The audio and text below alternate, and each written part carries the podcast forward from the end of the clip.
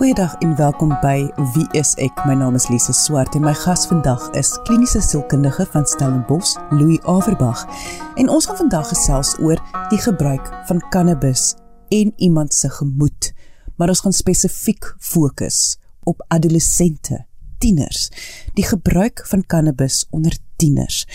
Hoekom gaan ons dit doen? Want daar is baie navorsing al gedoen net oor hierdie spesifieke ouderdomsgroep en die misverstand wat ons dink baie ouers dink dat die gebruik van cannabis is 'n veiliger alternatief teenoor tabak of alkohol of ander dwelms. So ons gaan vandag gesels oor die effek wat dit het, het op adolessente. Nie net gaan Louis Averbag met ons gesels nie, ek het ook narkotiseer en skrywer van 'n boek wat spesifiek handel oor die gebruik van cannabis. Dr Heinz Middler gevra om ook insake te lewer in vandag se episode. Kom ons luister na my gesprek met hulle oor die gebruik van cannabis onder adolessente. Louis, daar is verskriklik baie ouers van adolessente wat voel alkohol is so gevaarlik. Daar kan so baie dinge verkeerd gaan wanneer kinders alkohol gebruik. Dat hulle dink die gebruik van cannabis is 'n baie beter alternatief of 'n veiliger alternatief. Maar dit is nie so nie. Kom ons kyk net eers waar dit vandaan kom. Tieners in vandag se tyd drink nie so baie alkohol en rook sigarette sommer van die begin af nie. Dit is wat die statistiek sê. Dit lyk asof baie tieners begin met dagga met cannabis. Nou dit is natuurlik nie op almal van toepassing nie maar dit is tog so dat geweldig baie tieners gebruik cannabis sonder dat hulle eers alkohol uh, tabak gebruik het. En nou is dit so dat die opvatting wat daarvandaan afkom wat jy nou genoem het oor die ouers het te doen met die feit dat die persepsie is dat cannabis nie verslawend is nie en dat dit nie soveel skade maak soos alkohol nie. En dit is natuurlik waar, maar dit is ook nie heeltemal waar nie. As jy kyk na die grootste dwelmmiddels gebruik in die in die wêreld is dit maar 'n dagga alkohol en en tabak. Dit is jou drie dwelmmiddels wat die meeste gebruik word. Maar veral onder tieners word cannabis geweldig baie gebruik. Nou dit is so dat cannabis minder verslawend is as alkohol. Dit is ook minder skadelik as alkohol maar dit is nie heeltemal waar dat cannabis nie verslawend is nie. Kom ons begin net eers met die verslawing. Uh dwelmmiddels insluitende die THC wat in cannabis is, stimuleer die plesierareas in die brein. Dit skei dopamien af en dit skep daarom die potensiaal vir verslawing. Nou dit is nie so verslawend soos die meeste ander dwelmmiddels nie, maar dit is dit is beslis verslawend veral as jy dit as 'n tiener jonk begin gebruik. Natuurlik hang dit af van hoe, hoe die hoeveelhede wat jy gebruik en hoeveel keer wat jy dit gebruik. Maar dit het beslis verslawende gevare in vir tieners, uh, veral as dit nog voor alkohol of of nikotien gebruik word. En dit is net een van die gevare. Maar ons moet ook onthou daar is sagte dwelmmiddels, daar's harde dwelmmiddels. Ek dink jy kan dagga in dieselfde klas sit van iemand wat intraveneuse heroïne gebruik nie. So ek dink mense moet ook kop daaroor wees. Jy moenie net sê dwelm o sleg sonde verkeerd. In die wêreld waarin ons leef, moet ons oop kop hê, moet ons die feite op die tafel kry, moet ons dit redeneer, moet ons debatteer, moet ons uitvind en dan maak ons ons opinie. Ons kan nie net hoor wat iemand sê en sê ja, dit pas my om dit te glo nie. Maar as jy al die navorsing gedoen het en jy het gekyk na dagga en jy weet dagga is dalk nie so verslawend soos intraveneuse heroïne is dalk nie so gevaarlik nie. Jy gaan dalk baie maklik dit weer los as jy wil en jy gaan nie permanente skade hê nie. Ehm um, en daar's dalk mediese voordele. Ja, al daai goeters is waar. Maar as daar 'n rooi vlag is, dan moet mense dit ook nie ignoreer nie. En wanneer dit by tieners kom, is daar 'n rooi vlag. Kyk, eh, reg oor die wêreld en vir al die tye wat nog bestaan het, doen tieners hierdie tipe dinge. Ons het dit ook almal gedoen. Maar die gedagte van die 16-jarige tienerseun wat skelm agter die fietshokkies 'n sigaret gaan rook of 'n skelm bier drink. Dis is nogal redelik vervang met tieners wat cannabis rook.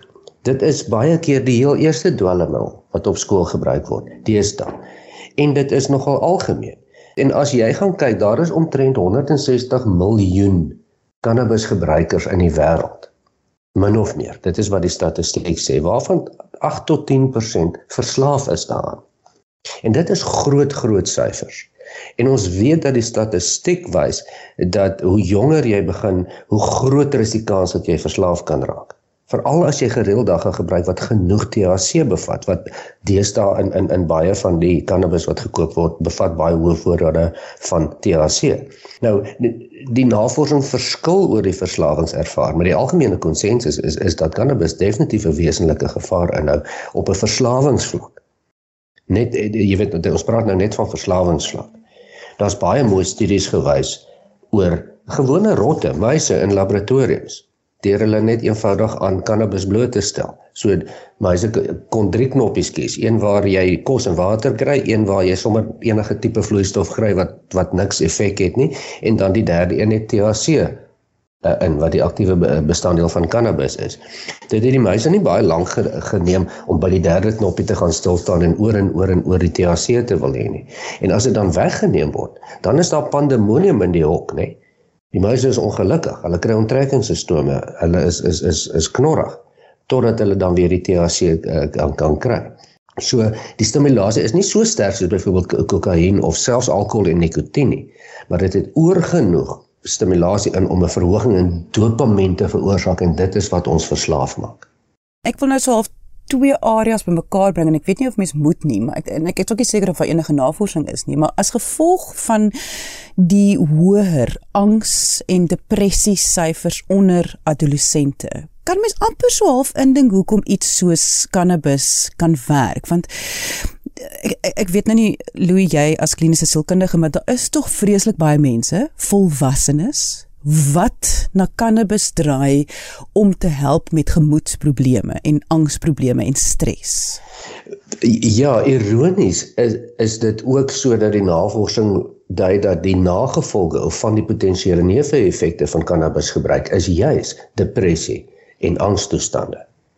Uh cannabisgebruikers het kenmerkende hoër voorkoms van angs en depressie.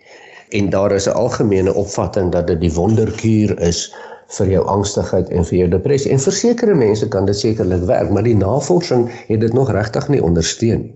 Alhoewel die navorsing op hierdie stadium wys waar cannabis uh en en en en en, en die CBD komponent dis nie die THC komponent die CBD wat 'n uh, ander 'n uh, uh, aktiewe bestanddeel van cannabis is het uh, het het, het in sekere pynbehandelings en ook vir naarheid en braaking het dit baie goeie resultate maar veel meer as dit is daar nie regtig navorsing wat wys dat cannabis werk vir angs en depressie nie.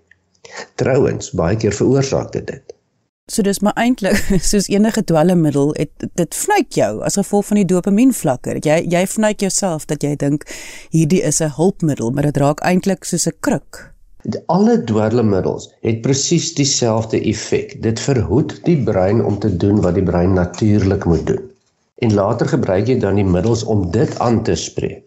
Ehm um, en en en hiermee sê ek glad nie dat 'n uh, uh, cannabis net skadelik is nie. Net daar is veral onder volwassenes, veral onder volwassenes wat dit matig gebruik het het, het het baie keer het het baie goeie effekte. Uh, Daar's nie regtig neewgevolge nie. Ehm um, ensovoorts ensovoorts ensovoorts. Maar dit is nie 'n onskadelike dwelmmiddel nie. En laat ons dit baie permanent sê, vir adolessente en vir tieners is dit baie gevaarlik. En wat is die gevare? Die gevare is wanneer jy gebore word en jou brein is onvolwasse, dan maak die brein voorsiening vir enige iets wat kan gebeur wat skadelik gaan wees vir jou breinfunksie. Nou ons weet as jy 'n breinberoerte kry of 'n breintumor of 'n breinbesering, dis iets wat jy nie sommer van herstel nie. Die skade is altyd blywend. As jy sê maar verlam is in jou been, dit kan dalk 'n bietjie beter raak, maar dit gaan nie opklaar nie. As jy enige neurologiese siekte het, jy weet dit raak progressief erger. Dit is moeilike toestande om gesond te maak. Nou as jy jonk is, is daar 'n oormatige hoeveelheid sinapse en neurone in jou brein wat nie eers nodig is nie en wat die kind nie eers gebruik nie. Maar dit is daar ingeval die kind 'n besering kry en daar 'n skadelike uh, insident is waar deel van die breinfunksie verlore het. Dan word hierdie oormatige of surplus um, breindesel gebruik om te kyk of jy nie die skade kan beperk nie en dis hoekom hulle altyd sê as jy 'n kind resusciteer moenie ophou nie um, hou aan want al vat is dit langer as wat nodig is vir 'n kind is daar nog altyd die kans dat die brein kan herstel en dat die kinders is redelik resilient kan jy maar sê of weerstandig teen skade. So 'n ou moet nie met 'n kind te vroeg opgee nie. En dit is juis hierdie rede. Soos die kind groter raak en hy het geen of sy het geen insident nie en het geen breinbesering opgedoen nie, dan kom die brein agter maar kyk, ons moet nou ontslaa raak vir van hierdie hoeveelheid neurone, ehm um, want dit is nie gebruik nie. En dit is wanneer ons begin toetree tot die volwasse brein. Die proses om van hierdie surplus breinweefsel ontslae te raak, staan bekend as synaptic pruning. Nou dit is wat by basies uitsny dit wat nie nodig is nie is soos 'n roosboom wat jy snoei en jy haal die takkies af wat nie nodig is nie wat nie gaan groei en blomme nie en dan gee jy die wat oorbly weer 'n kans. Hierdie synaptic pruning vind plaas tydens adolessensie. So as die kinders hier begin groot raak, hulle is teenagers, begin hierdie proses plaasvind en 'n mens wil nie hê daar moet foute kom met hierdie proses nie. En dit is waar dagga aankom. Dagga dit lyk asof dit interfereer met hierdie synaptic pruning en dit maak hierdie mense vatbaar of 'n hoë risiko groep vir probleme wat kan kom en dan praat ons van psigoses, skizofrenie. Ons praat van ernstige psigiatriese siektes. Hulle afhanklikheid, hulle gaan dalk vinniger afhanklik raak, hulle gaan dalk vinniger na ander middels beweeg. Klomp probleme wat nog nie heeltemal vasgestel is nie. Ons weet net dat dit plaas hulle in 'n hoë risiko groep en dit is onwys vir 'n kind wanneer uh, op hierdie stadium om dagga te rook, dagga te gebruik want dit gaan interfereer met hierdie belangrike proses wat 'n mens nie wil hê dit moet nie. So as jy dan nou regtig dagga moet gebruik, wag tot dit klaar is, tot jou brein volwasse is. Jy luister na Wie is ek? My naam is Lise Swart. My gaste vandag is kliniese sielkundige van Stellenbosch Dr. Louis Averbag en narkotiseer van Kaapstad Dr. Heinz Middler. Indien jy enige vrae oor vandag se onderwerp kan jy ons kontak deur ons webwerf gaan net na wieisek.co.za. Indien jy nou ingeskakel het en jy graag die volledige episode wil luister, kan jy die potgooi luister op RSG se webwerf. Gaan net na rsg.co.za. Kom ons luister nou verder na my gesprek met kliniese sielkundige Louis Averbag en narkotiseer Dr Heinz Middler.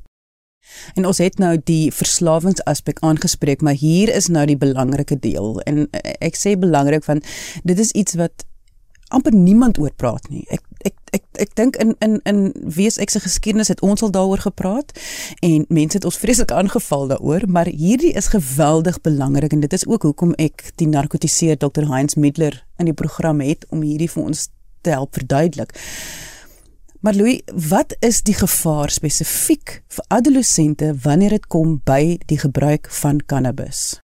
As jy as adolessent gaan gaan cannabis gebruik, veral as jy natuurlik dit gereeld gebruik. Kyk as jy dit nou een of twee keer gebruik in 'n eksperiment saam met jou vriende te probeer simpel wees, gaan jy sekerlik niks oorkom nie. Maar as jy dit gereeld gebruik en die, en die hoeveelheid en veral die sterkte wat jy gebruik, kan dit geweldige gevaarlike uh effekte hê op die snoeiproses van die ontwikkelde brein. En dit is 'n groot rede tot kommer. Nou wat gebeur dan? Eerstens verhoog dit jou kans tot skizofrenie baie meer. As jy in jou 20's is, dan gaan 'n zol jou nie skade doen nie, soos ons al oor en oor bewys het. En ek dink 'n mens sal naïef, dom, amper wil ek sê krimineel wees om dit te wil ignoreer en as jy adolessente het, jong kinders het wat ons weet algemeen dagga gebruik, dan moet ons nie hierdie punt ignoreer nie en dit is ons plig, ons morele plig, ons ouerlike plig om attent te wees daarop en te verduidelik aan kinders wat is die gevare.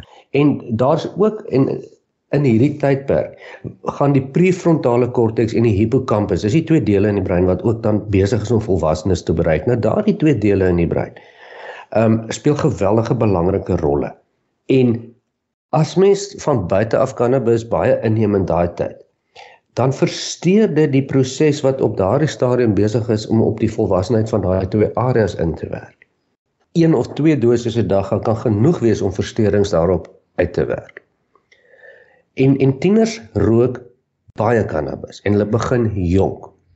En daarom sien jy dit en ek het dit alself gesien van adolessente wat hulle self dom rook. En navorsing wys jy jy weet jy, jy kan jou IQ punte tot omtrent 8 na 10 punte laer gebruik aan cannabis veral as jy adolessent is. Dit is 'n 'n baie baie groot gevaar lesse wat wat ek dink adolessente nie besef nie. Maar is skizofrenie nie iets wat wat geneties is nie? Ek bedoel, hoe kan dit dan nou wees dat jy kan skizofrenie, een van die mees ernstige sielkundige diagnoses, gebeur daar iets en dan kan jy dit ontwikkel? On, onthou dat daar is verskillende gene wat 'n rol speel in verslawing in die totstandkoming van iets soos skizofrenie ensovoorts ensovoorts. En wat gebeur is dat die gebruik van cannabis verhoog die risiko van psigotiese probleme wat die kerndiagnose van skizofrenie is, nê? Nou onthou verslawing daar daar's nie 'n verslawingsgeen nie. Ehm um, daar's nie jy kan nie gaan gaan gaan analise doen en die verslawingsgeen gaan kry en sê maar om psigoties te kan word uh, sit in 'n geen nie. Maar verskillende gene speel 'n rol om verskillende faktore te speel om dit baie hoër te maak.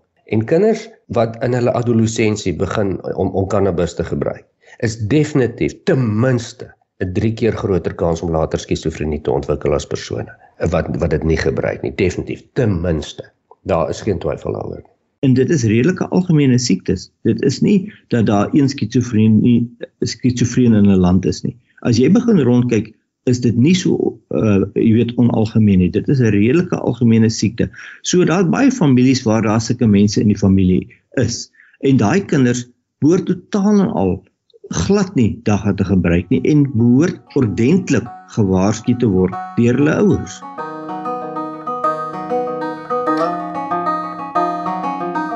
Wat is skizofrenie? Ek dink jy moet net verduidelik om die erns te verstaan van wat is skizofrenie en waarvan praat ons hierso? Dis 'n neurologiese siekte. Dit is 'n ontwikkelingssiekte. Jy diagnoseer dit ook net as iemand in hulle volwassenes is. Dit is 'n 'n 'n toestand wat wat basies ongeneeslik is. Die die simptome is psigoses en delusies of hallusinasies. Met ander woorde, dis 'n siekte waar jy neurologies nie die wêreld meer waarneem soos die ander mense dit waarneem nie. Dis dis hierdie delusies en valse gedagte hallusinasies wat op 'n sensoriese vlak uh, uh voorkom. Nou kan mens mos nou dink met dwelmmiddels ver, verhoog daardie daardie hallusinasies op die oomblik klank hallusinasies, visuele hallusinasies ensovoorts en ensovoorts. Ehm um, almal wat psigoties is, is nie noodwendig skizofrenies nie, maar almal wat skizofrenies is, is in 'n mate psigoties. Met ander woorde is nie heeltemal in kontak met realiteit nie. Cannabis is 'n dwelm wat natuurlik 'n verslawing kan veroorsaak. Ons almal verstaan dat enigiets kan 'n verslawing deesdae veroorsaak, selfs oefening. Maar cannabis is is 'n dwelm. Dit bly 'n dwelm. Ja, natuurlik is dit nie so verslawend soos alkohol of ander goed wat adolessente kan gebruik nie, maar dit kom daarop neer dat volwassenes kan maar doen en kies wat hulle wil, want hulle is volwasse. Hulle ontwikkelingsfase is juis volwasse. En wat ons sê vandag is in die brein kognitief gebeur dinge wat kan ernstig verkeerd loop in hierdie ontwikkelingsfase. Nie met almal nie, maar dit kan op 'n hoë persentasie dat adolessente wanneer hulle cannabis rook, kan dinge nie goed gaan nie. Dit is presies baie waar wat jy sê. En ons weet alle sake het twee kante. Cannabis het elemente in wat relatief onskadelik is en vir sekere mense is die gebruik daarvan onskadelik veral vir volwassenes. Dit hang natuurlik af hoe gereeld en hoe baie en watter tipe gebruik word. Vir adolessente veral is dit nie 'n onskadelike proses nie. Dit is maar bietjie met vuur speel. Uh veral as dit gereeld, kom ons sê maandeliks gebruik word op 'n jong ouderdom en jou kanse om eenvoudig jou leer geheue aandagprobleme te ontwikkel is baie groter om dommer te word as wat jy is is baie groter. Jou kanse is verhoog om psigotiese reaksies se verniet te kan ontwikkel in daardie tydperk. En natuurlik is daar ook baie ander ander nadele. Lees baie van die cannabis word saam met tabak gerook, nê. Nee?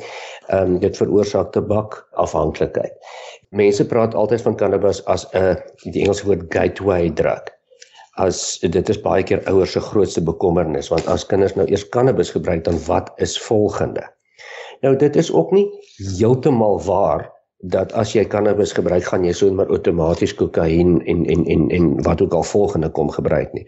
Maar interessant, die die navorsing wys vir jou baie baie goed dat as jy veral begin met cannabis op 'n jong ouderdom, is jou kans omtrent 50% hoër om alkohol en tabak te gebruik as wat jy sou. En dit is so dat dit dan vir jou makliker is om ander dwelmmiddels te gebruik. Dit is so. Ons kan nie outomaties sê dit lei natuurlik daartoe nie, maar dit is so dat die uh, uh gebruik van cannabis veral onder jong mense verhoog die risiko na alkoholafhanklikheid toe en en natuurlik na na na van jou gemoedsprobleme toe. So oor die algemeen is dit 'n baie slegte idee vir tieners om om om cannabis te gebruik. 'n Volwassene kan weer eens doen net wat hulle wil. Ons probeer net die punt daaroor kry dat daar is 'n groter gevaar vir 'n adolessent en baie van die veranderinge veral op 'n neurologiese vlak wat die dwelmmiddel dan doen is nie onomkeerbaar soos by volwassenes nie.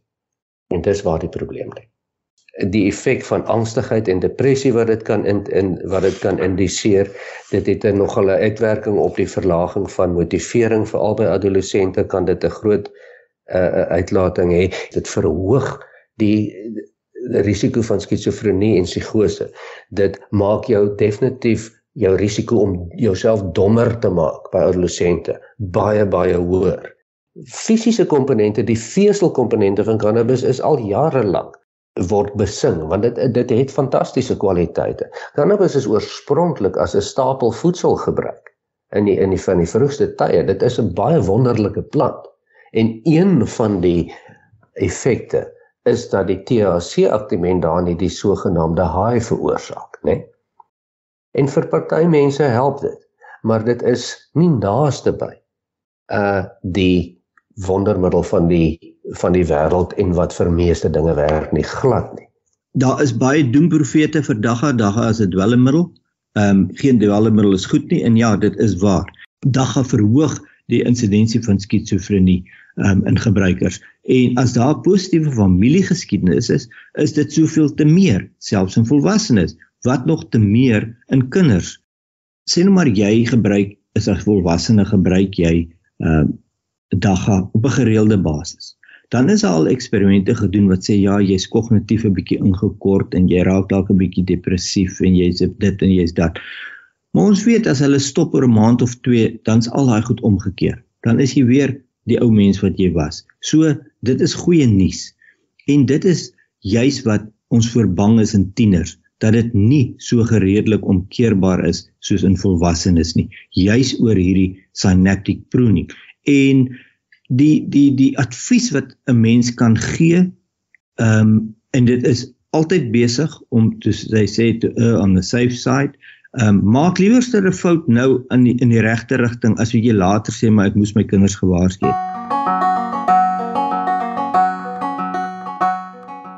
Ek sê baie dankie aan my gaste vandag. Dit is kliniese sielkundige van Stellenbosch, Louis Averbag en narkotiseer van Kaapstad Dr. Heinz Middler. As jy vra het, kan jy ons kontak deur ons webwerf. Gaan dit na wieisek.co.za of gaan na ons Facebookblad onder wieiseksa waar daar ook verskeie video-gesprekke is oor ouerskap, dwelmgebruik en nog meer. So, gaan kyk gerus daarso, wie is ek se Facebookblad? Is ek SA? Dankie dat jy vandag ingeskakel het. Ons maak weer so En onthou, kyk mooi na jouself en jou kind.